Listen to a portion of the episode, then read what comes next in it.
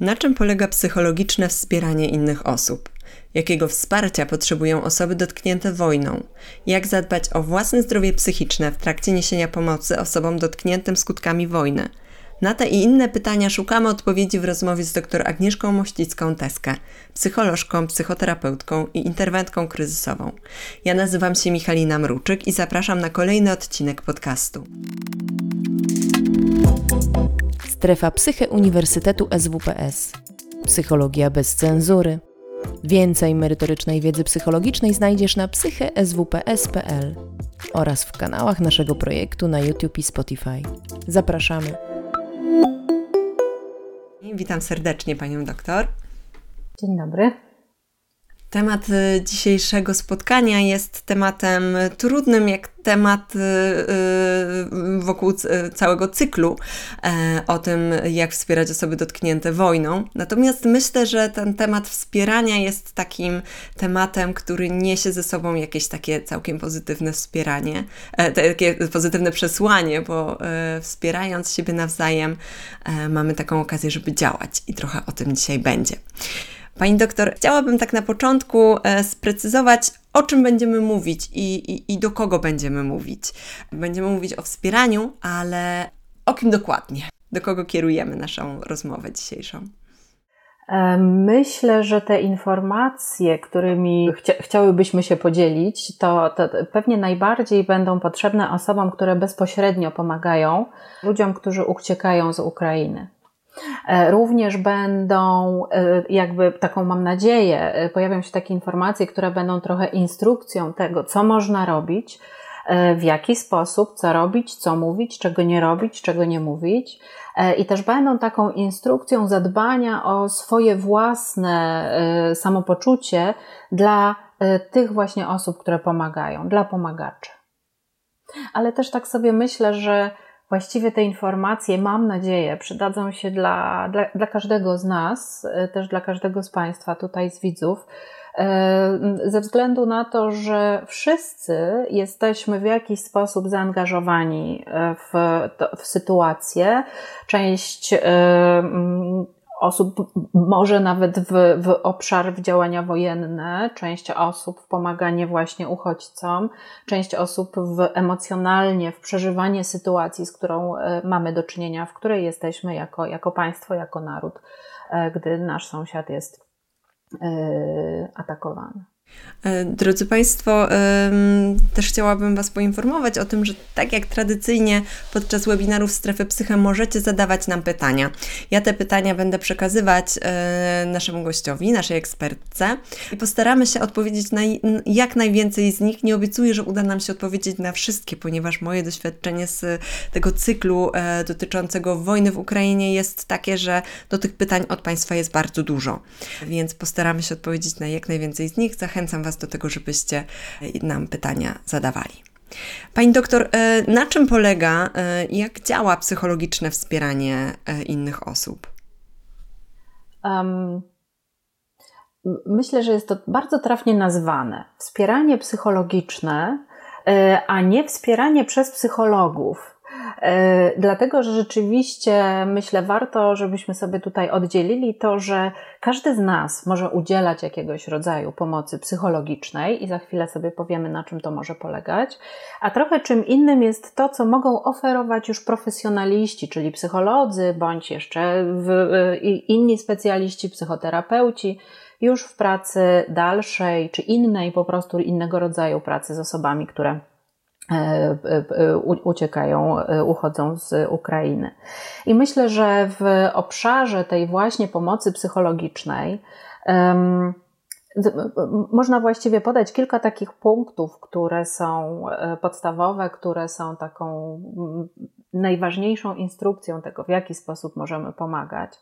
I bardzo mi się w tym sensie i w tym znaczeniu podoba E, relacja e, i bardzo mnie poruszyła też relacja mojej koleżanki, która jest psychoterapeutką i która jest w punkcie pomocy wolontaryjnej właśnie w jednym z dużych miast i mówi, że nie wiedziała o tym, że jej psychoterapia tam na miejscu e, z uchodźcami będzie polegała na tym, żeby robić kanapki i herbatę i że to działa. Pewnie przygotowywała się na inny rodzaj pomocy, natomiast mówiąc już tak jak najbardziej poważnie i serio, to w czym przede wszystkim możemy pomóc, to rzeczywiście w zachowaniu takiego poziomu bezpieczeństwa, trudno powiedzieć komfortu, ale zmierzamy do, do w miarę jako takiego komfortu i bezpieczeństwa fizycznego, czyli tego, że rzeczywiście jest się czego napić, jest co zjeść, e, jest, e, można e, odpocząć, jest na czym usiąść, albo jest ciepło, tak, można się ogrzeć w jakimś miejscu, można mieć dach nad głową, jeśli pada, jeśli jest zimno, jeśli wieje. Więc naprawdę taki rodzaj zabezpieczenia, tak zwanych, my to tak nazywamy w psychologii, tych podstawowych potrzeb człowieka, e, jest, e, jest bardzo ważne. I tutaj ja bym nie wartościowała tego, że to są takie zwyczajne jakieś potrzeby podstawowe, a inne są wyższe, ważniejsze. Nie, bo te podstawowe dają takie zabezpieczenie, ich daje punkt wyjścia do tego, żeby robić cokolwiek dalej. E, I tutaj, w zależności e, dalej od tego, z jakim stanem osoby będziemy mieć do czynienia, z którą, e, z którą jesteśmy w kontakcie, którą, którą przyjmujemy, to będziemy podejmować różne aktywności.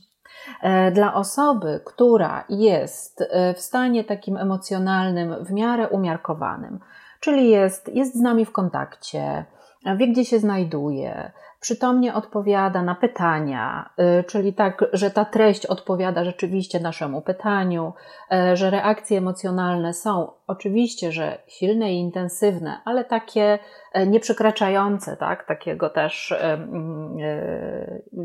jakiegoś nawet standardu podniesionego w reakcji na kryzys, to w tej sytuacji będziemy głównie dbać o to, żeby ten stan utrzymać u tej osoby. I przede wszystkim uzyskamy go przez podkreślanie tego, że jest bezpieczna i przez zapewnianie ją o tym, że jesteśmy z Tobą, jestem z Tobą, i są tutaj, zobacz ile tutaj jest osób do pomocy, będę z Tobą, wytłumaczę Ci, co masz robić, w jakiej kolejności, e, zabezpieczę Cię, tak, podam Ci wszystkie, e, nie wiem, e, rozwiązania, czy, czy, czy, czy, czy zaspokoję teraz te, te potrzeby, które masz, tak, te, te, te, te bezpośrednie.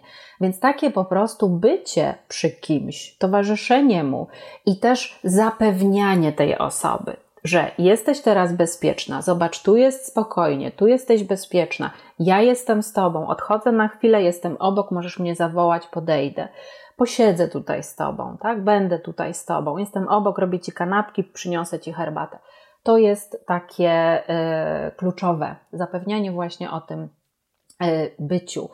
Przy, przy, przy, przy, zapewnianiu o tym byciu z kimś, y, warto też podkreślać taką jedność, wspólnotę, solidarność. E, wszyscy chcemy e, Ci pomóc, albo dużo ludzi chce Ci pomóc, tak? E, jest, jesteśmy solidarni z Tobą. Jesteśmy, zobacz, ile tutaj jest zorganizowane też miejsc, w którym chcemy Ci pomóc. To służy temu, żeby taka osoba mm, miała takie poczucie tego, że jest otoczona przez ludzi, którzy, którzy chcą jej tej pomocy udzielić. To daje poczucie bezpieczeństwa, w e, grupie po prostu, w tym, że jest więcej ludzi wokół, że człowiek może liczyć na, na drugiego. E, to, jak to działa, to poza takim wymiarem zupełnie jednostkowym, gdzie, gdzie każdy z Państwa być może, jak jest wolontariuszem, e, możecie właśnie tę jedność, czy wolę takiej jedności, solidarności przekazać tej osobie, to to poza tym działa na poziomie systemowym. I to mówią e, osoby, które e, pracują, e, które są narodowości ukraińskiej i mają bezpośredni kontakt też z tymi, którzy zostali po drugiej stronie granicy. I albo walczą, albo udzielają tam pomocy. I one mówią, że nasza solidarność, nasza, nasza Polska w sensie, solidarność, e, to, że się tak e, skrzyknęliśmy, zwołaliśmy do tej pomocy, że istnieje taki rodzaj zaangażowania wielu różnych i służb, i struktur, i indywidualnie wielu ludzi właśnie w tę pomoc, daje też samym Ukraińcom takie, taką jakby systemowe poczucie takiej fali że jak my się zgraliśmy i jesteśmy jednością, to oni nadal mają do tego taki napęd i nadzieję, tak? że, że oni też tak mogą funkcjonować. To im daje takie, nie wiem, czy Państwo widzieliście, tak jak czasami na jezioro się wpuści krople, to ona takie zatacza coraz szersze kręgi, prawda? I systemy działają troszkę podobnie, że systemy zataczają coraz takie szersze kręgi, to co się dzieje w jednym z nich, przekłada się na to, co się dzieje w innym. No i właśnie, bo to jest bezpośrednia też relacja jednej z moich e, koleżanek, właśnie, która bezpośrednio odbiera też osoby z granicy, jest też terapeutką i właśnie o tym mówi, że to nasze działanie poczucie jedności i to rzeczywiste, to realne takie y, sprawdzanie się te, tego działania przekłada się na to, że tam wewnątrz Ukrainy ci ludzie mają większą E, motywację, siłę, wiarę w to, że oni też są jednością i że, i że mogą w tym trwać. Więc to w ogóle taki efekt trochę poza nawet, można powiedzieć, taki indywidualnie psychologiczny. To jest dla mnie w ogóle niesamowite, o czym Pani mówi, bo e, taka moja wiedza na temat e, traumy, tak mi podsuwa teraz taka, takie skojarzenie, że te, te, te zagrożenie, które e, rodzi się z mm, jakichś czynów drugiego człowieka, jest szczególnie tutaj czynnikiem ryzyka do, do rozwoju e, zespołu stresu pourazowego. I kiedy mówi Pani o tym, że siła tej społeczności ma tutaj działanie takie ochronne, to tak sobie myślę, że właśnie te nasze działania mają taką, taki potencjał e, wręcz le leczący. Tak. Tak, dokładnie tak jest. Zresztą, jak już e, podejmujemy temat traumy, to też badania pokazują, że jednym z czynników rozwoju PTSD jest, e, jest nie tyle to, co się działo przed doświadczeniem trau, same, samego zdarzenia traumatycznego albo w jego trakcie, oczywiście to też, ale najważniejsze jest to, co się zdarzyło tuż po. A w tym znaczeniu jedna z najważniejszych czynników to jest na przykład wsparcie społeczne. Nie? Czyli czy człowiek doświadczył ze strony innych ludzi tego zrozumienia, ale zrozumienia, wiecie, znaczy, wie też pani, pani Michalina, nie w takim sensie, że ktoś, e, no doskonale rozumiem, e, jak to jest doświadczyć traumy, tak? Bo w ogóle trudno powiedzieć, że my jesteśmy w stanie zrozumieć doświadczenie w ogóle drugiego człowieka, bo nie jesteśmy nim. Ale to, co możemy, to wyrażać wolę i intencje tego, żeby być przy nim w jego przeżywaniu. E, I to jest najważniejsze, to jest istota, to jest klucz tego, co, co służy właśnie naszemu zdrowiu e, i tak jak Pani mówi, leczeniu tego, co ewentualnie te, to doświadczenie traumatyczne mogłoby wywołać, to, że e, ktoś przy nas jest, że jest ten drugi człowiek. Nie? E tak też mi się skojarzyło podczas piątkowego spotkania z dr Ewą Pragłowską. Mówiłyśmy też o tym, że e, ta rola psychologa e, jest trochę przeceniana w tej sytuacji. W tym kontekście, że e, kiedy mm, mamy kontakt z osobą w kryzysie, na przykład w kryzysie uchodźczym, no to by się tak wydawało intuicyjnie, że ten psycholog jest tutaj tak bardzo potrzebny. A teraz, kiedy mówi Pani o tym, że w pierwszej kolejności te osoby potrzebują takiego zabezpieczenia, wręcz potrzeb takich fizjologicznych, takich podstawowych potrzeb, potrzeb, e, typu jakaś ciepła herbata, ciepły koc, e, mm, nie wiem, kurczę, wypełnienie jakichś dokumentów, to ten psycholog tu jeszcze za wiele nie ma do zrobienia poza psychoedukacją, czyli tym, czym się na przykład teraz zajmujemy. Tak, tak, tak. Dziękuję, że Pani na to zwraca uwagę, e, bo rzeczywiście tak, tak myślę i też znamy z historii tego, jak nauka i psychologia reagują na różne katastrofy, e, że były podejmowane różne próby właśnie sprawdzania tego, jak ta szybka pomoc psychologiczna, typowa ze strony psychologów mogłaby zadziałać. No i już wiemy, że ona niekoniecznie zawsze działa dobrze. To nawet tak wprost mogę powiedzieć, tak? Z e, części badań dotyczących chociażby nawet w Polsce jednych jednej z największych tragedii, która się wiązała z e, powodzią, którą Polska przechodziła w 1997 roku. To była taka gigantyczna wtedy od wielu lat katastrofa właśnie mm, naturalna.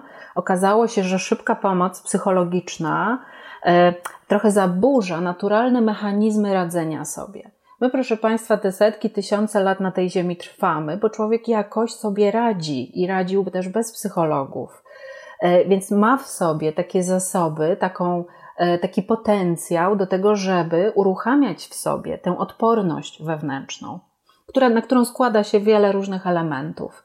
E, I bardzo wa- i, i ta odporność, jeszcze tak powiem, u każdego ma swój indywidualny kod. Nie ma jednego przepisu, że, że można go zastosować, wprowadzić jedną, drugą, trzecią interwencję i, i u każdego to zadziała.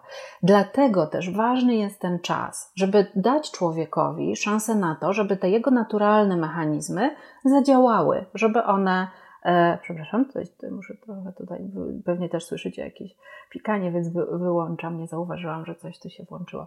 E, żeby te naturalne mechanizmy własnej odporności psychicznej, wewnętrznej mogły i miały szansę zadziałać. Wręcz interwencji kryzysowi mówią e, czasami, że e, psycholodzy wręcz w interwencji kryzysowej nie zawsze, tak powiem, nieładnie sprawdzają się w tym pierwszym rzucie, bo za bardzo psychologizują za bardzo chcą już pójść głębiej.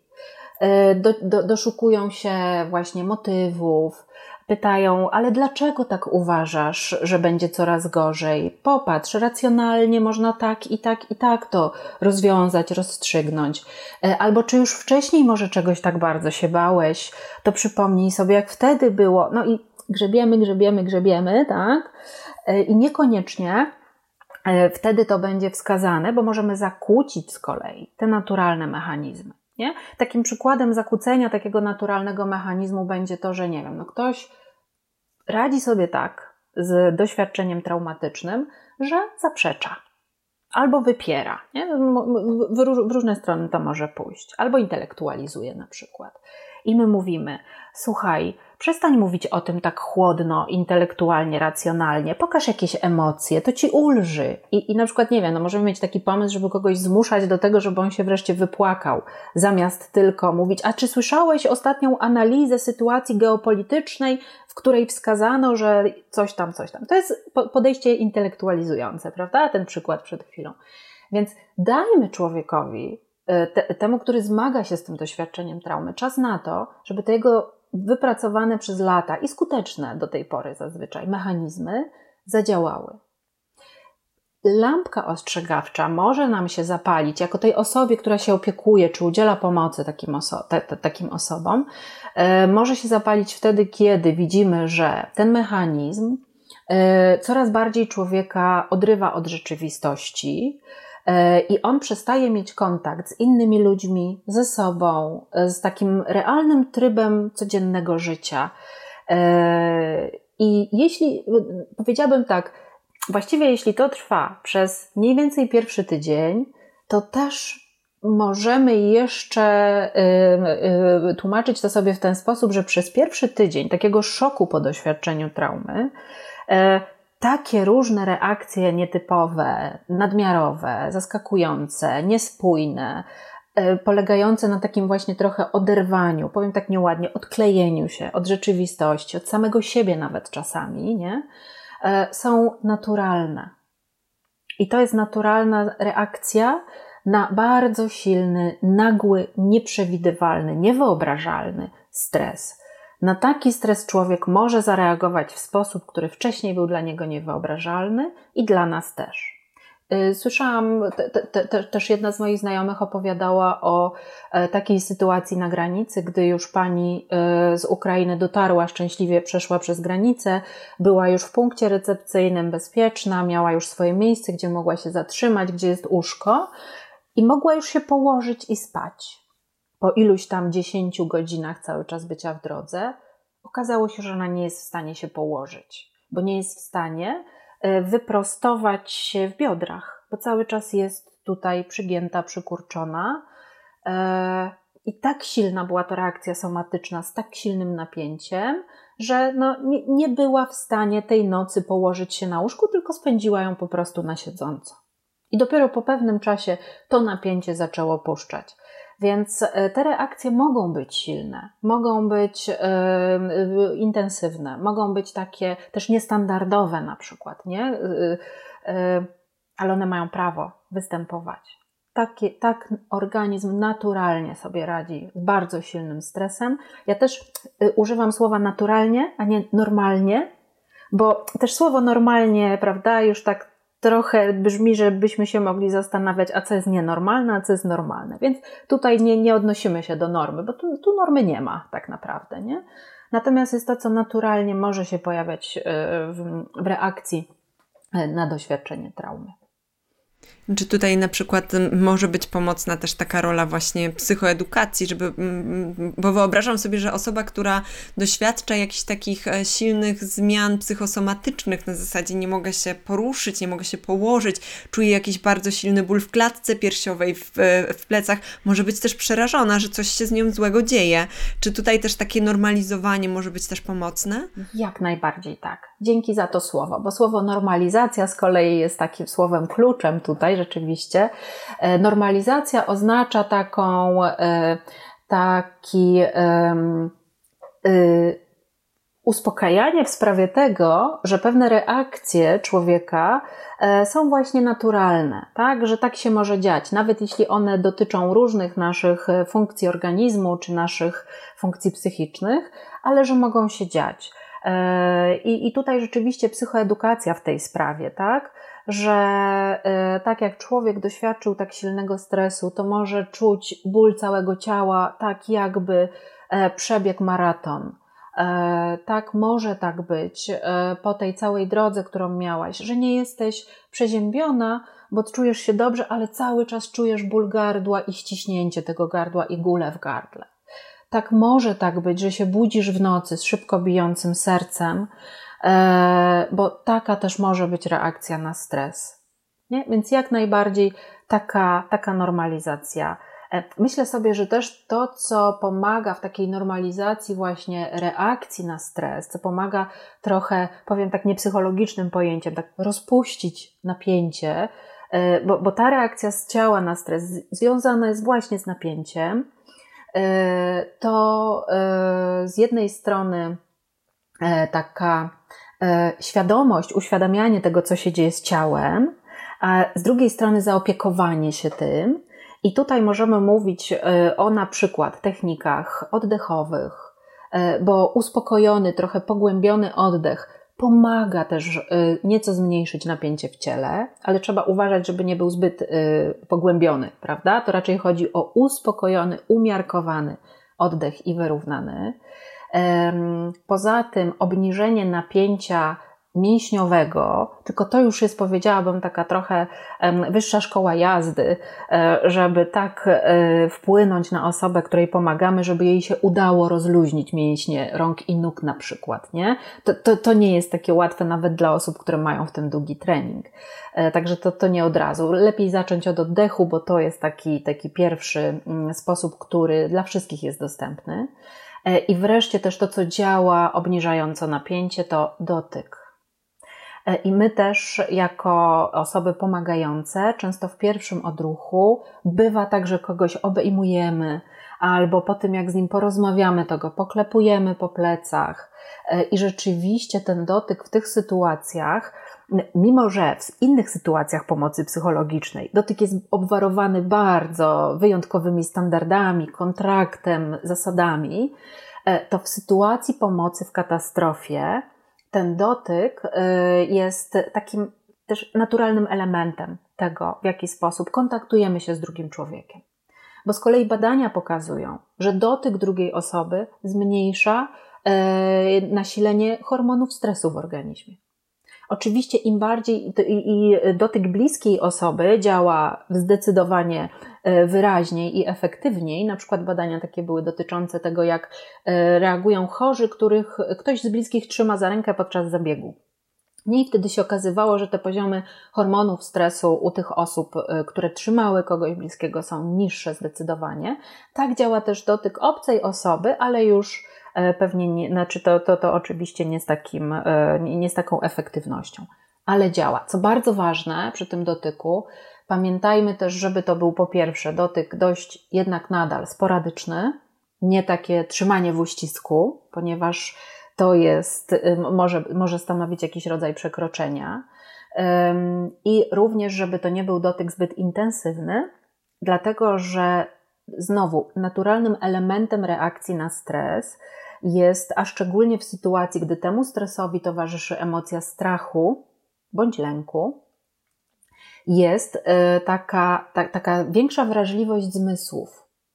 E, nie bez powodu mówi się, że strach ma wielkie oczy Jak się boimy, to otwierają nam się szeroko oczy i uszy, więcej bodźców do nas dociera, po to, żebyśmy to tak ewolucyjnie, żebyśmy lepiej sobie radzili w sytuacji, szybciej zauważali zagrożenie, czy tam możliwość poradzenia sobie. Ale pamiętajmy, że to nie tylko oczy i, i uszy działają, ale y, skóra też jest zmysłem. E, więc tutaj ten dotyk może być też odebrany jako silniejszy. Jest też pewien rodzaj dotyku, który właściwie też tak przez takie trochę, nawet można powiedzieć, atawistyczne nasze doświadczenie wspólne, działa uspokajająco i my często go robimy intuicyjnie, czy, czy, czy, czy realizujemy intuicyjnie, nawet sobie nie zdając sprawy, że to tak działa, to jest poklepywanie. Szczególnie poklepywanie po plecach. Zauważcie, że jak chcemy komuś przekazać taką serdeczność i wsparcie, to jak go obejmujemy, to poklepujemy. Matki albo ta ojcowie poklepują swoje dziecko, jak chcą je uspokoić i trzymają na ramieniu, prawda? Więc szczególnie takie lekkie poklepanie właśnie po plecach będzie to, to jest taki dotyk przekazujący, czy uakty, taki uaktywniający pamięć o takim bezpiecznym dotyku, dodającym otuchy. O, w ten sposób powiem. Więc też y, warto y, ten, y, ten rodzaj komunikacji poza tą w naszym zachowaniu i, i tym, co mówimy, o czym zapewniamy, też, też wdrożyć. To jest dla mnie ten, to poklepywanie i ten dotyk to jest jakaś zupełnie w ogóle niesamowita rzecz, dlatego że ja przyznam, że dzisiaj miałam też e, szkolenie z, z, z psychoterapeutką, e, dlatego że pracuję w szkole i będziemy też tworzyć takie centrum wsparcia dla e, osób uchodźczych z Ukrainy. I właśnie ona nam też opowiadała o tym znaczeniu takiego poklepywania. I wtedy mi się pojawiło takie skojarzenie. Ja mam w domu 11-miesięczne niemowlę, które zasypia, jak się je tak leciutko poklepuje po pupie. I tak tak mi się to właśnie kojarzy, kurczę, że no, rzeczywiście już od takich najmłodszych lat ten taki dotyk właśnie poprzez takie łagodne poklepywanie no, działa uspokajająco. Mhm. Także tak już dzisiaj drugi raz mhm. słyszę o znaczeniu tego rodzaju dotyku, więc e, no muszę próbować, mhm. bo też być mhm. może u mnie też zadziała.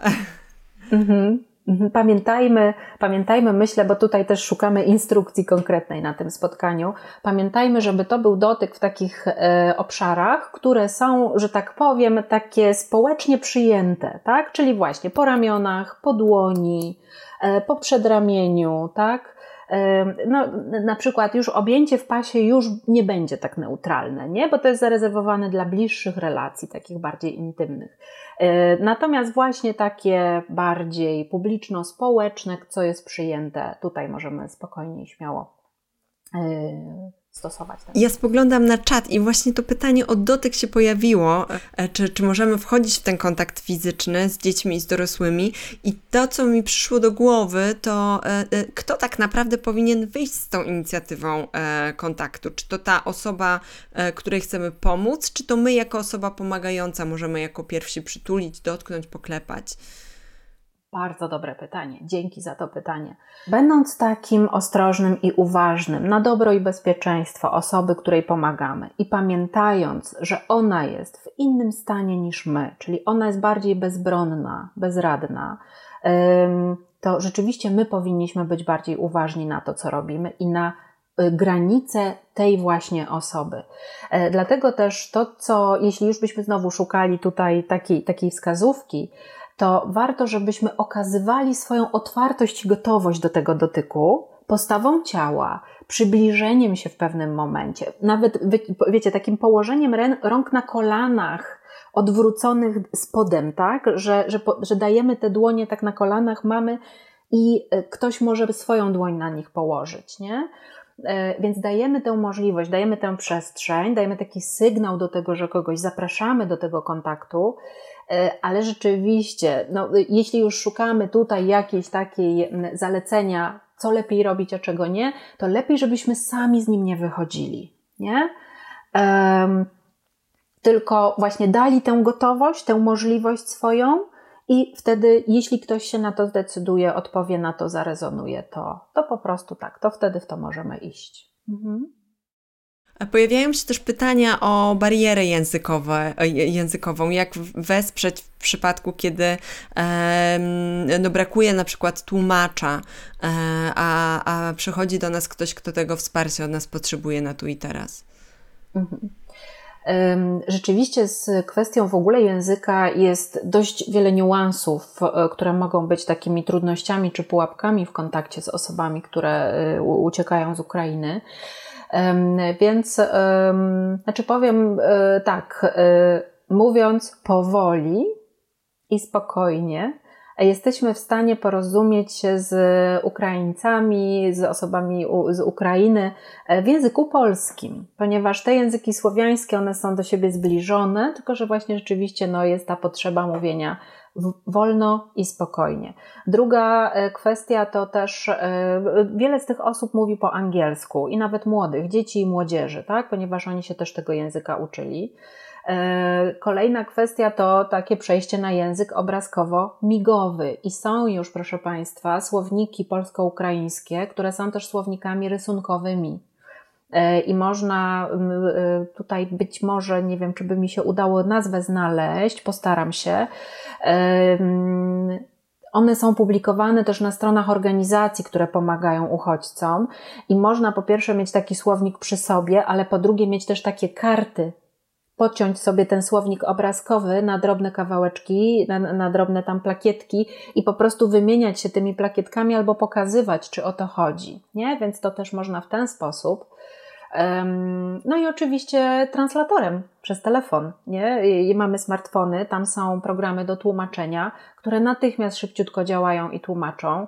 E, I w takiej sytuacji to nie jest przeszkodą, że się Państwo posłużycie jakimś komunikatorem elektronicznym w tym kontakcie, e, bo tutaj to nie chodzi o to, żeby wspinać się na szczyty sztuki, nie wiem, e, rozmawiania, tak, i, i, i dyskusyjnej, tylko po prostu, żeby się porozumieć.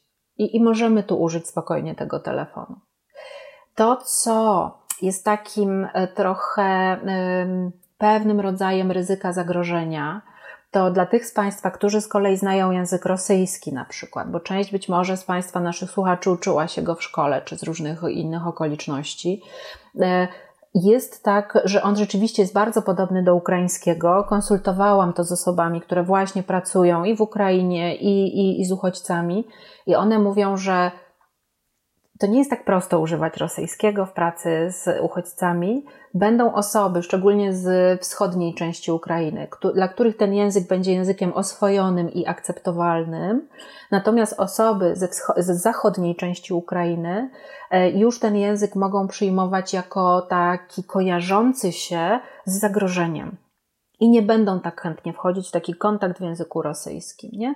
Natomiast zawsze pamiętajmy też, że można o to zapytać że umiem rozmawiać, mogę rozmawiać po polsku, po angielsku i po rosyjsku. Który język wolisz? No i możemy jeszcze obrazkowo. Który język wolisz? Który jest dla Ciebie najbardziej komfortowy? Mhm. Bardzo się cieszę, że Pani o tym też wspomniała, bo rzeczywiście wyobrażam sobie, że osoby, które doświadczyły krzywdy ze strony osób y, rosyjskojęzycznych, mogą tutaj reagować y, mm, no, w taki sposób, który y, będzie utrudniał wspieranie. Mhm. E, spoglądam na pytania. Um, i, I spoglądam, i spoglądam. O, jest na przykład takie pytanie, jak działa psychologia tłumu w sytuacji, e, w której się znaleźliśmy jako y, społeczność i jak rozumiem, tu chodzi o to pomaganie. Czy to jakoś y, my się tym pomaganiem, nie wiem, zarażamy, jeśli można tak powiedzieć? W tym sensie tak, w tym sensie się zarażamy pomaganiem, ale powiem tak, my się zarażamy dlatego, że też e, z jednej strony oczywiście e, tak to interpretuję, też budzą się w nas takie odruchy wysoce altruistyczne, e, chęć pomocy, empatia, współodczuwanie, ale też my przez pomaganie radzimy sobie z własnym lękiem, dlatego że jednym z bardzo skutecznych antidotów na lęk jest aktywność, jest działanie. E, dlatego że działanie pozwala nam mieć poczucie realnej kontroli nad lękiem. Gdy nie działamy, lęk się pojawia, bo my jesteśmy w lęku. Tutaj nie ma co, co się oszukiwać e, przez e, samą świadomość tego, co się dzieje, przez kolejne dopływające do nas informacje z mediów. Jeśli ktoś sobie jeszcze zafunduje na swoje nieszczęście takie aktualizacje ciągłe, bardzo Państwa y, nie zachęcam do tego, tak? Raczej trzeba sobie dawkować co jakiś czas aktualizację informacji, a nie cały czas je śledzić. To my, krótko mówiąc, ten nasz lęk, krótko mówiąc, jest dokarmiany. E, a też nie mamy kontroli nad tą sytuacją, nie mamy na nią realnego wpływu tak własnymi rękami, tak, e, żeby zastopować ten e, dramat bombardowań i ostrzeliwań, który się dzieje. W związku z tym też tak pośrednio, przez pomoc, przez aktywność w pomocy, my oswajamy swój lęk, zdobywamy kontrolę, nad y, sytuacją, nad tym, co się dzieje. I w ogóle aktywność i y, działanie jest poza tym, że pomaga nam oswajać lęk, to też jest fantastyczny sposób na to, żebyśmy w sobie wzmacniali poczucie skuteczności. Bo poczucie skuteczności dla człowieka jest tym czynnikiem, który poza wsparciem społecznym, jeśli coś trudnego się dla nas dzieje, ja sobie tak myślę, myśl, teraz pomyślcie Państwo o tym trochę z dwóch perspektyw naraz że to samo działa u Was jako u pomagaczy i że to samo będzie działało, jeśli takie aktywności zaproponujecie osobom uchodźczym. Czyli żeby one też, żeby nie powstrzymywać ich aktywności, jeśli mają na to potrzebę, jeśli mają taką ochotę, tak? Bo aktywność daje poczucie sprawczości, poczucie sprawstwa. E, I jeszcze jeden efekt tutaj e, zachodzi, a poczucie sprawstwa chroni nas przed negatywnymi skutkami stresu. Jeszcze jeden efekt tutaj zachodzi, gdy mamy poczucie sprawstwa, y, widać, że mamy na coś radę, jesteśmy zaradni, tak? To się nazywa zaradność też w nomenklaturze psychologicznej. E, angażujemy się w jakieś działania. Poprzez angażowanie się w działania e, odkrywamy, zdobywamy, wzmacniamy poczucie sensu w życiu. Sen, zdobywanie sensu w życiu to nie jest jakaś magiczna sztuczka, gdzie my odnajdujemy ten sens w jakiejś wybitnej metafizyce. Między innymi Antonowski mówi o tym, że zdobywamy poczucie sensu przez właśnie zaradność i poczucie tego, że nasze aktywności, jakieś nasze plany są warte zaangażowania. I przez to zaangażowanie ten sens w naszym życiu się wzmacnia. Więc i też zobaczcie, jak pomyślimy tak o sobie jako o pomagaczach, tak, że zdobywamy wtedy to poczucie takiej właśnie spójności wewnętrznej, koherencji, poczucia sensu. I też jeśli osoby z Ukrainy będą mogły być aktywne i się angażować, to też będzie to ich wewnętrzne poczucie e, skuteczności, koherencji się wzmacniało. Ale tu od razu dam takie, takie ostrzeżenie: nie aktywizujmy na siłę bo to nie o to, to nie jest remedium na wszystko. E, jeśli człowiek nie ma siły, jeśli jest zamrożony, jeśli e, na przykład ciągle tylko płacze e, i albo nie wiem, nie, nie chce się angażować, tak jeśli jest u kogoś z Państwa w domu, są tacy goście i oni jak są trochę w apatii, nie mają siły się angażować w różne aktywności domowe, albo w to, że mówimy, a to pojedziemy do restauracji na obiad, a to pójdziemy sobie do kina, a to pójdziemy na spacer, a im się nie chce, to też to przyjmijmy. Nie? Być może ich układ nerwowy potrzebuje wtedy właśnie takiego zatrzymania, wyciszenia. Nic, przepraszam, nie na siłę, nie aktywizujmy na siłę. I jeszcze jedno tutaj powiem, jeszcze jeden efekt uzyskujemy przez to, że działamy, a mianowicie e, przez aktywność mamy szansę wzmacniać swoje pozytywne doświadczenia. W dramacie wojny zarówno uchodźcy, jak i pomagacze e, w doświadczeniu codziennym tych osób zaczyna przechylać się równowaga emocji negatywnych nad pozytywnymi. E, tak to jest, tak ludzie reagują na zagrożenia. Dominuje strach, lęk, złość, poczucie rozgoryczenia, rozczarowania, żalu, przerażenia, wściekłości, e, czasami wstrętu też do, do y, różnych obrazów, sytuacji, osób, funkcji i tak, ciała na przykład i tak dalej. E, I mało się robi tych pozytywnych doświadczeń. Więc takie poczucie aktywności, skuteczności, działania daje szansę na to, żeby zdobywać te takie pozytywne punkciki, nie? te przyjemne też doświadczenia, a nie po, po, po, mm, mm, po zanurzać się, pochłania, dać się pochłonąć tym tylko i wyłącznie negatywnym. Mhm. Spoglądam znów na czat e, i e, pojawiają się takie pytania jeszcze dotyczące bezpośrednio wspierania, ale też e, wspierania osób w kryzysie uchodźczym, ale też wspierania osób, wolontariuszy, więc jeszcze chciałabym tutaj dokończyć ten aspekt wspierania osób w kryzysie uchodźczym. Tutaj pan Mariusz zwraca uwagę, że zapytałby kulturoznawcy, jak ten aspekt dotyku wygląda w danej kulturze. Ja myślę, że tutaj w ogóle można zapytać konkretną osobę, prawda? Bo czym innym będzie dotyk dla mnie, czym innym będzie pewnie tutaj dla naszych widzów, czym innym e, jest dotyk pomiędzy na przykład mną a tym dzieckiem, o którym mówiłam, które gdzieś zasypia poklepane po pleckach. E, będziemy widzieć może, że tu mama przytula w taki sposób dziecko, ale to nie znaczy, że to dziecko będzie chciało być tak przytulone przez nas. Więc myślę, że warto zapytać o to jednostkę, prawda? Jak najbardziej, tak. Mhm. Można wprost zapytać, nie? Czy chcesz, żebym cię przytulił? Czy mogę cię przytulić czasami, nie? E, ale rzeczywiście tutaj myślę, że pan Mariusz słusznie zwraca uwagę, e, dlatego że przecież możemy mieć do czynienia e, z osobami też z innych kręgów kulturowych, z innych kręgów religijnych, sytuacja uchodźcza jest nie tylko aktualna teraz w tym momencie, prawda, i tylko dla osób narodowości ukraińskiej. E, I dlatego też rzeczywiście bardzo dziękuję za to pytanie. E, dla osób, która planuje angażować się w takie działania pomocowe, czy, czy, czy realizować właśnie tą pomoc w asymilacji migrantów, bardzo ważna jest znajomość tych różnic kulturowych, bo rzeczywiście one mogą być bardzo znaczące, zarówno pod względem dopuszczalności różnych aktywności ze względu na płeć, ale też na przykład ze względu na y, wiek, tak? Że na przykład w pewnym wieku pewnym osobom jest już coś zabronione, czegoś nie mogą, coś jest właśnie w ich kulturze już nieakceptowalne, a w naszej y, zachodnioeuropejskiej jak najbardziej albo nawet traktowane jako norma a, a w tej drugiej właśnie jako zaburzenie. Nie? Więc z takimi sytuacjami też, też możemy mieć do czynienia.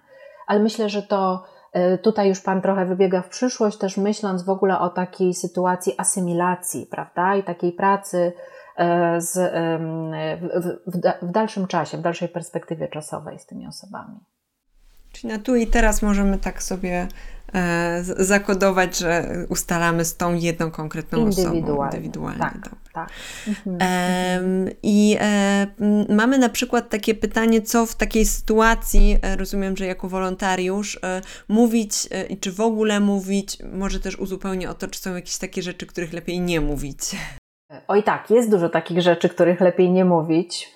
I tutaj nie, nie, wiem, czy to Państwu podpowie, jeśli powiem nie dawać e, dobrych rad e, typu wypłacz się, albo wprost przeciwnie, nie płacz, nie płacz, e, albo to na pewno minie, albo lepiej już się przygotuj, że tu zostaniesz, tak? Więc generalnie y, nie dajemy takich rad, mimo że osoby, z którymi mamy kontakt, może się wydawać, że one będą potrzebować od nas takiego y, stwierdzenia. To trochę tak, jak pacjent idzie do lekarza i choruje onkologicznie i pyta tego lekarza: Panie doktorze, pani doktor, ile mi jeszcze życia zostało?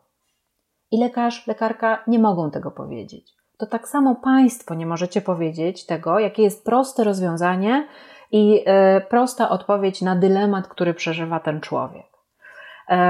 To, co możecie powiedzieć, to wykazać, okazać e, zrozumienie, e, zapewnić właśnie o tym, że będę z Tobą, że, są, że ja będę tutaj, że się z Tobą solidaryzuję, że będę chcieć Ci dalej pomagać, że są osoby, instytucje, miejsca, które tę pomoc organizują. W sprawie tego też, co mówić i czego nie mówić, to też powiedziałabym, e, tak trochę nie naprawiać na siłę tego, gdy człowiek e, widzicie, że jego sposoby poradzenia sobie są może nie do końca racjonalne, adekwatne. Gdy na przykład ktoś mówi, i to też prawdziwy przypadek, gdy ktoś mówi, że tutaj jestem tylko na tydzień albo na dwa, więc nawet nie rozpakuję walizek, bo zaraz wrócę tam do siebie, do, do, e, do Charkowa czy, czy, czy do Hostomla, nie? E, I, I my ze swojej perspektywy Polski, e, znajomości historii, takiego trochę większego dystansu do sytuacji, która się wydarzyła, możemy spodziewać się tego, że to może niekoniecznie rzeczywiście nastąpić, nie? Ale dla tego człowieka ta wiara w to, że on za dwa tygodnie wróci, może być na ten moment, tych 72 godzin, w których wy z nim rozmawiacie, gdy on przychodzi do waszego domu, może być ratująca. Co innego oczywiście, gdy mija tydzień, a ta osoba ciągle siedzi w płaszczu i nie rozpakowała walizki. Nie? Więc wtedy, tak jak mówię, im, im e, takim e, kluczem do tego, co może nas zaniepokoić, jest ta, taka sytuacja, gdy pewne bardzo nietypowe reakcje i sposoby poradzenia sobie albo się nasilają, albo e, trwają niezmiennie i przeszkadzają tej osobie w takiej, w takiej adaptacji do codzienności. Czyli na przykład ten człowiek, e, nie wiem, e, mówi, że on nie będzie wychodził z tego mieszkania, żeby się nauczyć jak jeździć windą, bo mu to niepotrzebne, bo on i tak tylko raz nią zjedzie, jak będzie wracał do domu. Nie? Więc, czyli jeśli nie podejmuje takich codziennych czynności zmierzających do tego, żeby się odnaleźć w tej nowej rzeczywistości, bo właśnie trwa w swoim jakimś takim zamkniętym sposobie radzenia sobie. Więc jeśli trwa to, tak jak mówię, dłużej niż tydzień, możemy zacząć się lekko niepokoić. Statystyki mówią, że u osób, które doświadczyły, były bezpośrednio, bezpośrednio ich dotknął konflikt wojenny, tego typu dłużej utrzymujące się problemy i zaburzenia mogą wystąpić tak mniej więcej u 30%, 20-30% w niektórych, jak są bardzo bezpośrednio zaangażowane w tym terenie, gdzie e, jakiś atak miał miejsce, to do 40%, nie? Takie z, z, zaburzenia już typowe, e, zakłócające funkcjonowanie, zaburzenia po traumie. Natomiast u zdecydowanej większości o to będzie mijać. Więc też, e, te, też o tym pamiętajmy. A chyba troszeczkę zboczyłam z tematu, od pytania odbiegłyśmy. Ewentualnie poproszę o powtórzenie. E, e, co w takiej sytuacji mówić i czy w ogóle mhm. mówić i czego nie mówić w sytuacji, o, kiedy jesteśmy takim wolontariuszem? Dziękuję. Dziękuję za tą podpowiedź, bo rzeczywiście jest jeszcze jedna naczelna zasada a propos w ogóle mówienia i rozmawiania. Może być tak, że osoba, z którą macie kontakt, ma ogromną potrzebę mówienia o tym, co, co było, co się działo, co widziała, co słyszała. Może być też tak, że w ogóle nie ma takiej potrzeby. Więc tutaj takim y, znowu kluczem jest to, żeby się dostosować do tej potrzeby i żeby jej ani nie nakręcać, ani nie wyciszać szczególnie. E, nie nakręcać to oznacza na przykład nie wypytywać o szczegóły. Bo trudno też unikać tematu tego, że było bombardowanie, że słyszałam bomby, że wiesz, ktoś mówi, wiesz, wreszcie mogę spokojnie spać, bo sobie przypominam, jak wieczorem cały czas za oknem ciągle coś rozbłyska, rozbłyskiwało, e, albo za murami piwnicy słyszeliśmy ciągle e, wybuchy i, i że ściany drżały, nie? To wtedy nie pytamy, no i co, no i któraś ściana pękła, no i co, i, i coś wybuchło blisko, to wtedy jeszcze głośniej słyszeliście, a, a schody się zawaliły. Nie, już my nie dopytujemy o szczegóły, tak? Yy, natomiast jeśli ktoś mówi o tym, co się działo, to też e, wysłuchujemy tej relacji, ale też nie staramy się jakby zatrzymywać na tych najbardziej dramatycznych jej e, elementach. Żeby nie utrwalać, to już z kolei e, kwestia tego, jak nasz mózg reaguje na doświadczenie traumatyczne i co mu służy w tej sytuacja, a co nie, żeby nie utrwalać śladu pamięciowego o szczegółach traumy, bo te szczegóły mogą z kolei jeszcze dodatkowo traumatyzować, tak? Jakby powodować takie, że to doświadczenie traumatyczne się, wewnętrzne doświadczenie traumy się yy, nasila. Także w ten sposób, ale z kolei jak ktoś jest taki zatrzymany, zablokowany, byśmy powiedzieli, w tym, że, że nie mówi, co się działo, to też nie musimy go do tego szczególnie zmuszać. Nie? Po prostu e, wtedy możemy raczej rozmawiać o codzienności albo o jego przeszłości. I tutaj kolejna zasada, o czym mówić, y, o czym nie mówić. Warto mówić o przeszłości. W przeszłości kryją się zasoby, a zasoby to jest to, co może człowieka uratować. Mówimy o przeszłości sprzed y, tego wydarzenia, tak. y, czyli w tak, tej sytuacji tak, wojny. Przed wojny. A w której klasie uczyłaś? A jak, jakich miałaś uczniów? A który przedmiot najbardziej lubiłaś? A jak, e, jakie macie tam w tych szkołach metody nauczania? E, a macie dzienniki elektroniczne? Takie można, wtedy można już pytać o różne szczegóły, czyli gdy wracamy człowieka pamięcią do jego bezpiecznej przeszłości, on wtedy ma szansę dotknąć też w sobie takich miejsc, przestrzeni, no nazywamy to zasobami psychologicznymi, które dają mu siłę odradzają tak jakby jego, jego siłę. Więc o to jak najbardziej możemy pytać. Możemy też pytać o to, co co lubi, co mu sprawia przyjemność, co jest dla niego ważne, jakie miał hobby, co lubi robić, czyli to wszystko, co jest takim e, obszarem e, dobrego, własnego, e, wcześniejszego doświadczenia. Mhm. Tak mi się to teraz skojarzyło, o czym Pani mówiła, z takim apelem od moich znajomych psychologów i psychoterapeutów, żeby nie stosować metody debriefingu, która mm.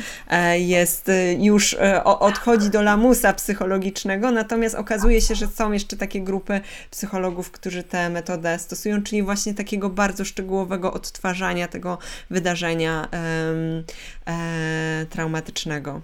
Znaczy tutaj może się wtedy, może się trochę psychologom, mogą się mylić różne formy oddziaływania psychoterapeutycznego, bo rzeczywiście w niektórych z nich pojawiają się szczegóły zdarzenia traumatycznego, ale to już w dalszej pracy, tak? Na przykład w, e, czy w terapii przedłużonej ekspozycji, czy przetwarzania poznawczego mogą się pojawiać jakieś odpamiętywane elementy, nawet dość szczegółowe, jakiś dźwięk, jakiś obraz, tak? Traumy, ale to w dalszym czasie od, od zdarzenia traumatycznego.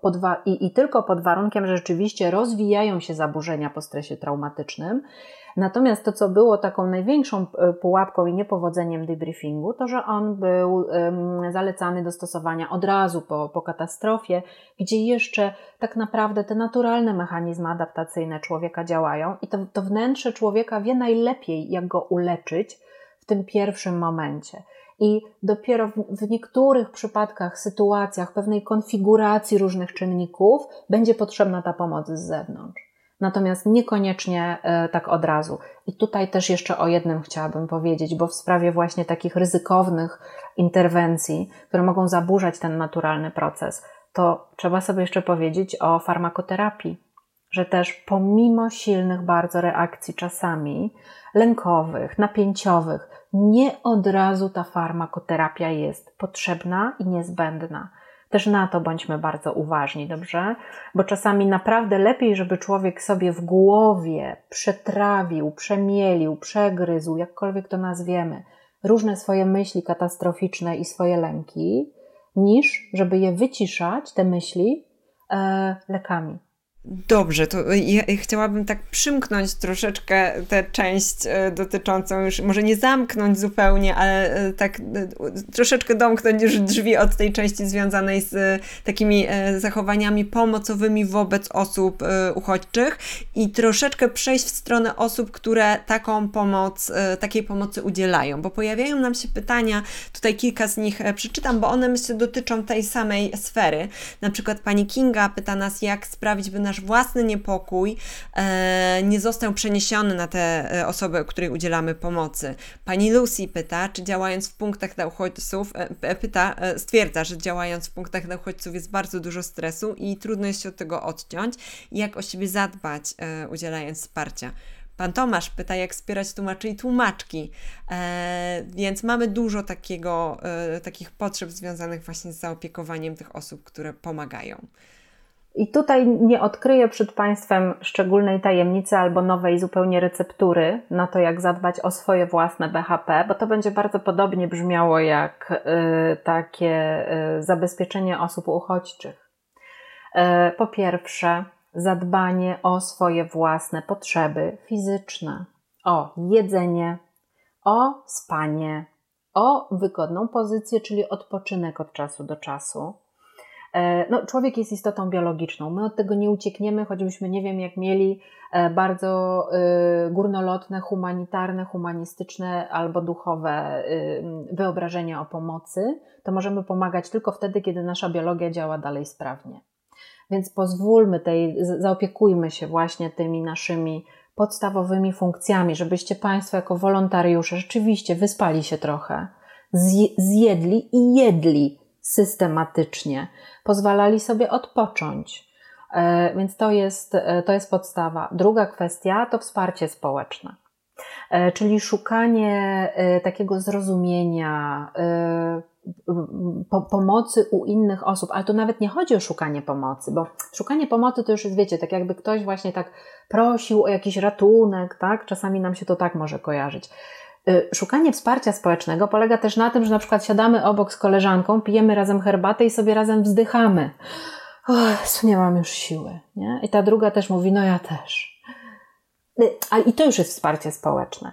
Myślę, że to, jak tutaj pojawiło się to pytanie, jak, jak, jak e, pomóc tłumaczce, tłumaczowi, to też dokładnie tak. Pogadajmy z tą osobą. Niech ona trochę odparuje po, takiej, po takim tłumaczeniu i powie: O Jezu, ale mi było trudno. I wtedy też znowu y, mówimy: No, mi też było trudno. Dobrze, że razem w tym byłyśmy. Możemy się objąć, przytulić, poklepać E, po, powiedzieć sobie, no ale już jesteśmy po, no ale zobacz, to już wiemy, co, na, co robić na, na podstawie tej rozmowy, co dalej robić. Albo też można wręcz tak siebie wzmacniać, no ale super nam poszła ta rozmowa, nie? E, ustaliliśmy to czy tamto, albo wiemy chociaż gdzie czego szukać, czego potrzeba dalej szukać, więc też taki rodzaj wsparcia y, społecznego. Przyszło mi do głowy mhm. takie też znów skojarzenie z wcześniejszymi rozmowami, które prowadziłam, bo czasami pojawiają się takie mm, tutaj mm, właśnie na, na czacie e, od naszych widzów takie pytanie, jak mogę e, robić coś takiego zwyczajnego, iść na kawę z przyjaciółką, piec ciasto, e, bawić się w sytuacji, kiedy na, za wschodnią granicą dzieje się taka tragedia.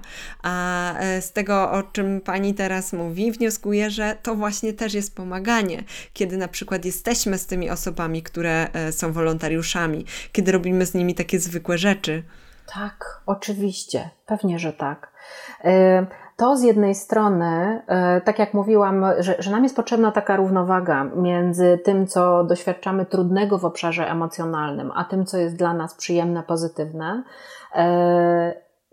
Dlaczego tego potrzebujemy? Dlatego, że emocje negatywne, te, które nazywamy negatywnymi, które są trudne, tak bym powiedziała ładniej psychologicznie, czyli właśnie strach, lęk, złość, yy, smutek, one nas ukierunkowują tak tunelowo trochę na to, żeby się koncentrować na ich źródle. E, I w związku z tym wszystkie nasze siły wewnętrzne wtedy są rzucone jakby na to, żeby iść w kierunku tych emocji i sobie z nimi radzić, zabezpieczać, być nimi kierowanymi.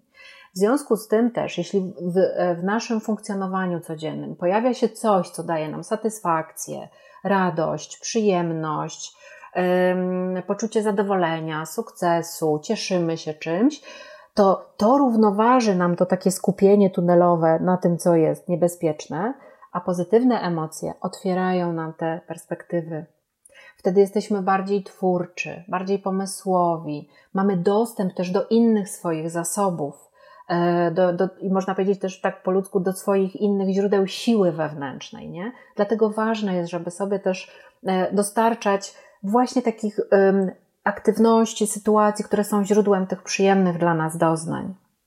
E, I też zresztą z innej perspektywy samego też aktywności czy udziału osób uchodźczych, czy osób z Ukrainy w takich aktywnościach jest też to, że gdy one mogą, tak jak do tej pory, nie wiem, uczestniczyć w zajęciach, y, sprzątać stację, na której mieszkają, tam ze współlokatorami, lokatorkami, jak się tak umówiły, y, to im daje takie poczucie kontaktu z, z, rzeczywistością, z inną rzeczywistością, nie tylko z tą, w której jest nieustające i ciągłe zagrożenie. Dlatego nie możemy sobie odpuścić też takiego naturalnego, tego, tego pozytywnego nurtu i rytmu życia. Ja myślę, że to, co jest dylematem człowieka, to też to, że my czasami mamy takie, taką chęć do tego, żeby sobie trochę uprościć świat, żeby on był albo albo. Albo biały, albo czarny, albo dobry, albo zły. Tak jest łatwiej troszkę nam.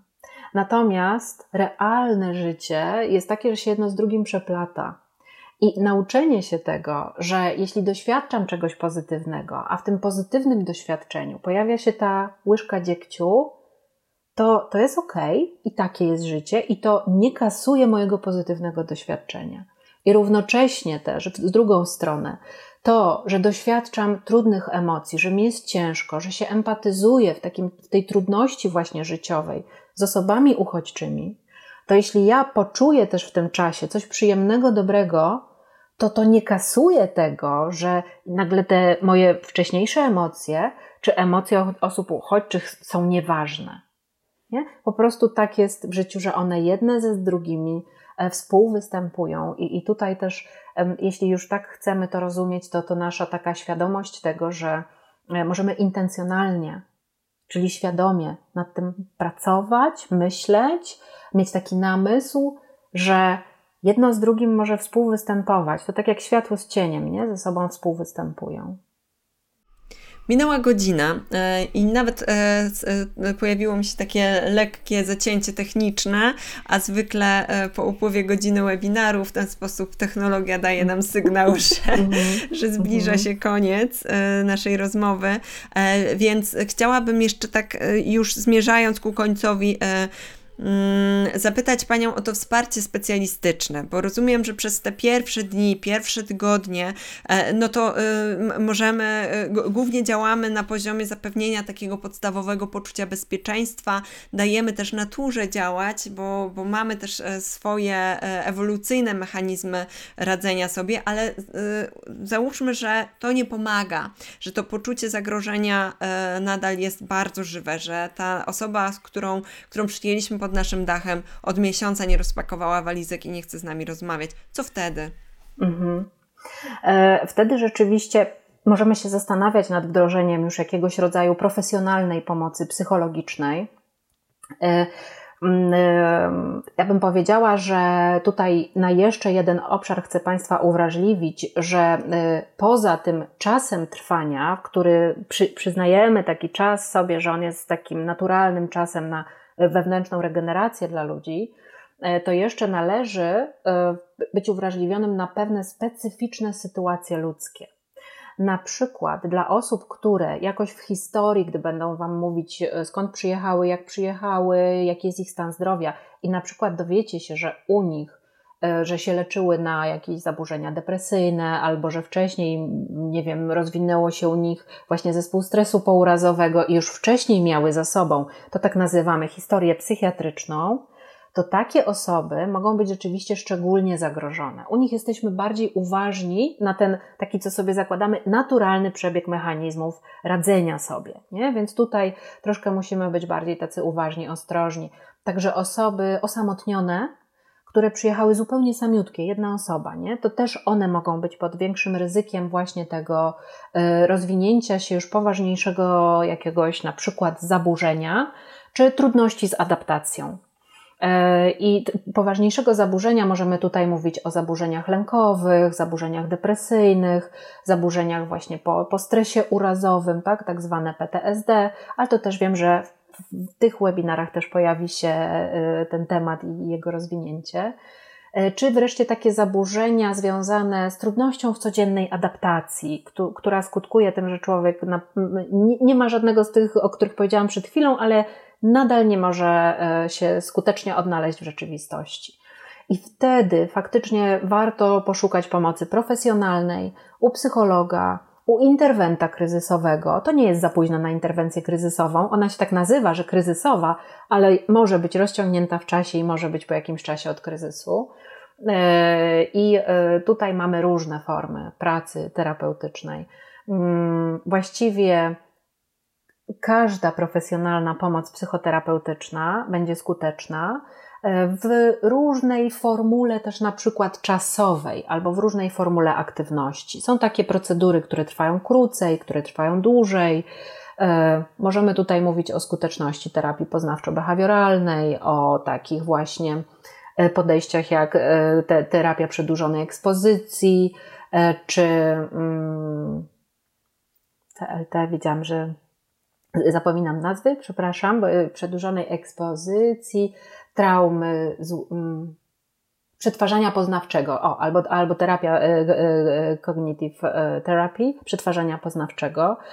Inne formy terapii to na przykład terapia EMDR, różnego rodzaju terapie, które są związane z uwalnianiem napięcia z ciała, tylko też zachęcam zawsze do sprawdzania tego, czy one są rzeczywiście uzasadnione, efektywne, uzasadniona jest ich efektywność w badaniach naukowych. Mm, I co jeszcze? Na przykład formy też z kolei już dla, y, myślę, bardziej pomagaczy czy dla wolontariuszy. różnego rodzaju formy uważności, czyli mindfulness, ponieważ mindfulness to jest głównie świadomość tego, co się z człowiekiem dzieje, poszerzanie tej świadomości, e, a dla osoby, która jest pomagaczem, wolontariuszem, właśnie ta świadomość siebie samego, zarówno tego, co się dzieje w ciele, jak i tego, co się dzieje w umyśle, e, jest tym pierwszym krokiem do bycia skutecznym. I, i myślę tutaj, że taka, e, taka forma może się sprawdzić. Spoglądam na czat. Oczywiście no, pytań y, mamy całkiem sporo i, i, gdybym chciała je wszystkie zadać, to byśmy musiały tutaj siedzieć do północy. E, więc zachęcam a mogę ja jeszcze coś powiedzieć, tak, Pani Michalino? E, bo, bo tak sobie mhm. myślę, pojawił się taki wątek, e, do, do, którego chciałabym się odnieść, który się pojawił w poprzednim pytaniu, właśnie jeśli chodzi o samych wolontariuszy, o same osoby pomagaj, pomagające jak nie y, dawać się swojemu, nie, swojemu lękowi, swojemu niepokojom. Bo, bo chcę też podkreślić, że ten komentarz właśnie y, bardzo przytomny mówi o takim też y, pewnym ryzyku, które nam towarzyszy, a które też, na które powinniśmy być bardzo ostrożni i uważni. Żebyśmy my jakby nie dali się zarazić właśnie niepokojem czy czarną wizją, E, osoby, która doświadczyła traumę, bo ona ma prawo mieć czarną wizję przyszłości, czarną wizję świata, tak? Natomiast e, dla nas jest ważne, żebyśmy e, jakby mieli taki dystans do przekonań tej osoby i pamiętali, że to jest jej system przekonań, które się pojawiają na, poprzez dość, na skutek doświadczenia traumatycznego, ale my starajmy się bardziej szukać racjonalnej strony właśnie tych przekonań. Nie? Jak na przykład ktoś mówi, że tu też u Was nie jest bezpiecznie, lepiej wyjeżdżajmy dalej, wyjeżdżajmy do Niemiec, bo Putin tutaj zaraz też bombę spuści, tak? To e, też pamiętajmy my jako wolontariusze, żebyśmy nie poddawali się, nie, nie wchodzili też w ten sposób myślenia, bo tu dotykamy właściwie w tym, co, co teraz mówię, dotykamy takiej e, podstawowej zasady tego, co y, pomoże być skutecznym, skuteczną osobą, która pomaga. Y, to, że my dbamy o swój własny komfort, samopoczucie, e, o swój stabilny stan wewnętrzny. I też jeszcze tutaj w jeden sposób ten nasz stabilny stan wewnętrzny będzie działał dla osób, które uchodzą e, na, na mm, pomagając, a mianowicie, że gdy my jesteśmy w takim stabilnym stanie wewnętrznym, to jesteśmy w stanie współczuć, jesteśmy w stanie współodczuwać, być w stanie empatii ale równocześnie nie y, dawać się mm, pochłaniać y, czy wciągać bardzo silnym emocjom, które się pojawiają. A to jest bardzo ważne, to co może zrobić pomagacz dla osoby, która jest w potrzebie, że on współodczuwa i współczuje jest obecny w tym współczuciu, ale nie okazuje swoich nadmiernych, yy, intensywnych emocji, tak? Bo one się w nas mogą pojawiać. Na przykład też możemy się czymś przerazić, też możemy się zezłościć, też możemy zesmucić się czymś, nie? E, I e, możemy to współodczuwać wtedy z tą e, osobą, której pomagamy, ale ważne, żeby jej nie zalać tymi naszymi reakcjami. I dlatego też takie trochę BHP pracy pomagacza, zadbanie o siebie, o swoją równowagę wewnętrzną, będzie też w tym kluczowe. I powiem jeszcze tak, jeśli mogę, ostatnie dosłownie minutkę, na takie bardzo prosty, podstawowy sposób na takie BHP w ciągu kilku pierwszych minut naszego kontaktu. Mm, a mianowicie, po pierwsze, pamiętanie o tym, żebyśmy oddychali. Być może Państwo sobie teraz myślicie, no ale jak to? Przecież zawsze oddycham. No to odpowiedz sobie proszę na pytanie, czy teraz oddychasz przeponowo, czy klatką piersiową. To, że oddychamy, to nie jest takie oczywiste i jak oddychamy, to nie jest takie oczywiste. Więc po pierwsze, kiedy masz kontakt z kimś, z kim ci jest trudno, no bo osoba, która jest w potrzebie, cierpiąca, doświadcza, która doświadczyła traumy, to jest osoba, e, który, która przeżywa trudność. E, po pierwsze, pamiętaj o swoim oddechu. Po drugie, pamiętaj o swoim ciele. To Twoje ciało daje Ci oparcie w tym, co możesz zrobić dalej. E, bo jak będziesz długo siedzieć w niewygodnej pozycji, to ci zaczną drętwieć nogi, biodra, nie wiem co tam jeszcze, ściskać cię brzuch i to ci będzie przeszkadzało być w kontakcie ze sobą i z drugim człowiekiem. I kolejna sprawa, kolejna kwestia, daj też swojej głowie odpocząć, czyli pomiędzy osobami, na przykład, z którymi rozmawiasz, zrób sobie chwilę przerwy. Żeby w głowie myśli e, i inne reakcje, i odczucie e, emocji, i to, co się działo też z Twoim ciałem, miało szansę się domknąć e, i mogło, mogło przejść, mógł, żebyś Ty mogła, mógł przejść do spotkania z drugą osobą. Więc też warto o takim rytmie swojej pracy pamiętać. Pojawiła mi się też taka myśl, nie, nie, wiem, czy pani się ze mną zgodzi, ale myślę, że większość z nas teraz odczuwa taką potrzebę, żeby pomóc, ale chyba nie każdy y, sposób pomagania będzie odpowiedni dla każdego, bo wyobrażam sobie, że będą osoby, które lepiej, e, które dobrze będą się czuły w takim kontakcie e, na gorąco, na, przy samej granicy, e, że, na żywo przytulając osoby uchodźcze, ale będą osoby, które, dla których to mm, ten lęk e, będzie zbyt duży. E, będą odczuwały bardzo silnie te emocje osób, które będą przytulały w tym momencie. I być może dla takich osób lepsze będą miejsca koordynacji pewnych zbiórek, czy, e, czy, czy, czy jakieś działania online, że nie każdy z nas będzie gotowy podjąć kogoś pod własnym dachem. Dokładnie tak sobie tak. pomyślałam. Dokładnie mhm. tak. I, I dziękuję, że Pani o tym mówi. Też chciałabym, żebyśmy trochę trochę sami się rozgrzeszyli z tego, e, e, bo rzeczywiście form i rodzajów pomocy potrzebnej jest bardzo dużo. To nie jest tak, że jedna forma pomocy jest lepsza, e, a druga gorsza. Na każdą z nich przyjdzie odpowiedni czas. I może być tak, że też ktoś z Państwa w swoim własnym przeżywaniu tego, co się dzieje, czuje się na przykład taki wycofany i zamrożony. I to też jest ok, E, tak nasza psychika sobie radzi z sytuacją, w której jesteśmy. Gdy pojawi się dostęp do zasobów, wtedy może pojawi się możliwość adekwatnej e, reakcji, adekwatnego działania. Też zachęcam do tego, żeby się nie zmuszać do działania i właśnie trochę się rozgrzeszyć z tego, e, co robimy, a czego nie robimy. To trochę jest tak, wiecie co, trochę może porównam to do mm, tak Takich też ostatnich odkryć w psychologii, może trochę trywialnych w tym kontekście, o którym rozmawiamy, że tak dużo się mówi o tym, jak dobrze działa na człowieka relaksacja. Ale też badania pokazują, że nie każdy człowiek skutecznie się zrelaksuje i że czasami taka, są osoby, których taka relaksacja będzie jeszcze bardziej denerwować.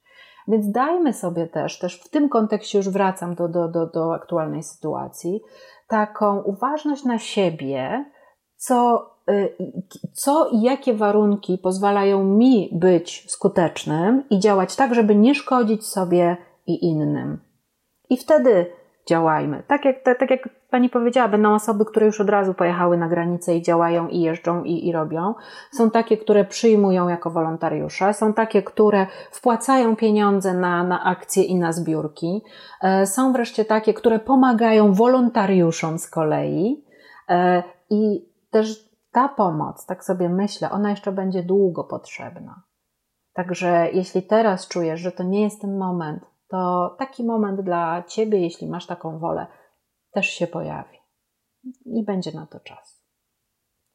Zwykle na koniec pytam um, naszych ekspertów o polecenie literatury. I nawet tutaj jedna z y, naszych widzek zapytała, czy y, pani Wiola, czy jest jakaś dobra pozycja książki mówiąca o traumie ciała. Oj, jest bardzo dużo. Bardzo dużo takich publikacji jest, tak że nawet tutaj chyba nie, nie, nie mogłabym jednej wymienić. E, dajcie mi chwilę, jedno, dosłownie sekundę, tylko się odwrócę, bo nawet e, tutaj akurat książki dotyczące właśnie ciała y, są tuż obok mnie i to zależy, co kto lubi, jaki poziom e, wiedzy naukowej i praktyki. I myślę sobie tak publikację Babette Rothschild Ciało pamięta o psychofizjologii traumy, która też teraz pojawiła się nowa, y, no, no, druga część e, tejże samej, czyli psychofizjologia traumy i terapia osób po urazie e, psychicznym. Inna książka, z kolei również ważna też w kontekście pracy z ciałem, to Strach ucieleśniony Bassela van der Kolka Jak to tam mhm. pokazać? Nie widzę tak Widać, kamery. strach Wtedy widać. Dobra, tak, tak, strach, widać. strach ucieleśniony. Tak jest. Z perspektywy bardziej naukowej tego, jak e, działa trauma i doświadczenie traumatyczne i jakie wtedy jeszcze mogą się pojawić e, efekty, to na przykład profesor Zdankiewicz ścigała aleksytymia i dysocjacja jako podstawowe czynniki zjawisk potraumatycznych. A z takiej perspektywy mniej związanej z rozwijaniem się skutków traumy, a związanej z, z kolei dużym napięciem w ciele, e, to nowa książka Uniwersytetu Jagiellońskiego, którą bardzo Wam serdecznie polecam, Odetnij napięcie. E, jak pokonać stres dzięki praktykom psychosomatycznym Rebeka Ladin. E, wykorzystaj mądrość ciała w walce ze stresem. Niezbyt mi się to podoba, to słowo w walce, ale no, myślę, że też będziemy mieć większy namysł nad tym, z czym i kiedy trzeba walczyć. Ale to jest też taka książka, akurat ta, w której Państwo znajdziecie właśnie propozycje różnych sposobów pracy z napięciem i z ciałem. Także powiem, dla każdego coś, co do niego przemawia. Nie, nie, nie, nie tak, że na przykład, że nie wiem, no mindfulness musi być dla wszystkich i się wszystkim podobać. Nie? Więc to y, są też inne pozycje. Y, jest y, to nie wiem, czy ja mam tutaj też znaczenie miłości. Musiałabym tutaj zrobić rewolucję w szafce. Jest jeszcze, to, to już może nie będę ryzykować. Znaczenie miłości. Pamiętam imię, Sue. Myślę, że możemy sobie wygooglować.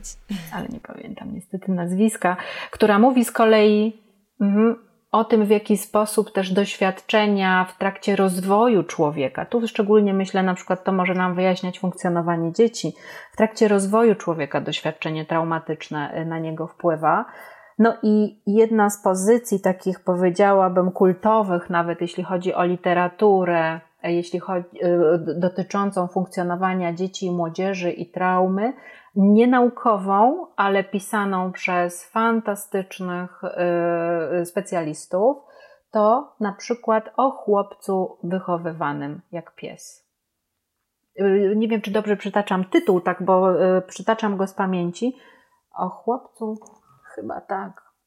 Mm, no, musiałabym tutaj. Trochę się boję, że, że coś wtedy tutaj zepsuję z połączeniem, jak będę e, dalej jeszcze tutaj zaglądać o chłopcu, który był wychowywany jak pies. To jest, to, to jest o historii, e, e, to są prawdziwe przypadki opisane e, dzieci i młodzieży, które, którzy doświadczyli traumatycznych sytuacji i też opisany jest ich proces terapeutyczny z dość takimi nietypowymi formami terapii zastosowanej. Czy to będzie taka okładka? O, tak, tak, tak, tak, Super. właśnie, Bruce Perry. Czyli o, o chłopcu się. wychowywanym jak pies. Tak, Dzięki, dokładnie. Dziękuję Pani Michalino, tak. A to jeszcze od siebie zapytam, e, bo często mówimy podczas różnych webinarów o, o, technikach oddechowych. Ja ze swojego doświadczenia wiem, że jak rozmawiam na przykład z młodzieżą o technikach oddechowych, to mnie ta młodzież pyta wtedy, a jakie to są, a gdzie można sobie o tym poczytać, a czy e, gdzieś można sobie o tym posłuchać. Czy może o tych technikach oddechowych jeszcze by nam tutaj Pani coś poleciła, gdzie można ich poszukać? Mhm. Mogę, mogę, bardzo chętnie. E, jest taka książka, którą bardzo lubię. E, ona, co prawda, trochę też opisuje jeszcze inne, poza samymi oddechowymi. I to jest książka Dagmary Gmitrzak, e, Trening relaksacji. Zaraz Wam pokażę okładkę, żeby wpadło w oko. O, przepraszam tutaj, trening relaksacji Dagmara Gmiczak, on jest nawet, z tego co pamiętam, z płytą. To co prawda nie wiem już, gdzie się, nie wiem, gdzie się płytę da włożyć, w jakie urządzenie, ale z tego co kojarzę, to właśnie tu płyta była dostępna. Trening relaksacji. E, jest też książka Oddech, który leczy. Taki poradnik właśnie o tym, jak dobrze oddychać. E, I jeśli, jeśli e, chcielibyście Państwo też przeszukać jakieś zasoby, nagrania internetowe, ich jest dość sporo w różnych miejscach, e, a takie, do których ja mam szczególne przekonanie, to są nagrania zrealizowane przez Polski Instytut Eriksonowski. Jak być może część z Państwa wie, takie podejście eriksonowskie jest szczególnie związane z technikami właśnie związanymi z takim uspokajaniem funkcji mózgu, tak, tak to nazwę. I na stronie na YouTubie Polskiego Instytutu Eriksonowskiego jest szereg nagrań na, y, y, przygotowanych tam przez specjalistów, zarówno o oddychaniu, y, nagrań, które pomagają się uspokoić, również bajek terapeutycznych. Także to jest takie źródło, które serdecznie polecam z pełnym przekonaniem.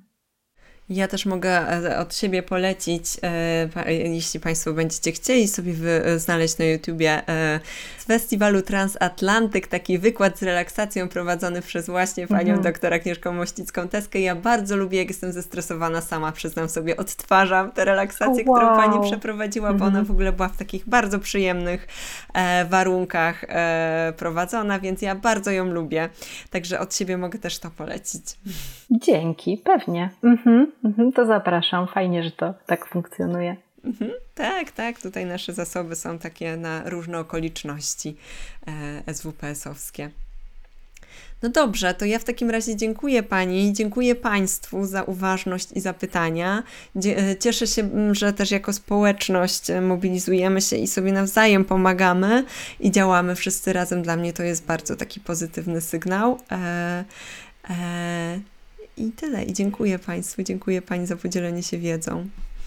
Ja też dziękuję. Dziękuję i powodzenia. Zapraszam też Państwa na e, inne webinary z, z tego cyklu e, dotyczącym e, sytuacji w Ukrainie. Będziemy mieć różnego rodzaju spotkania też o dezinformacji, o traumie, także tutaj ta oferta jest bardzo szeroka. Jeśli nie znaleźliście tutaj, no to możecie znaleźć jeszcze w tych webinarach, które będą prowadzone lub które były prowadzone, odpowiedzi na Wasze pytania.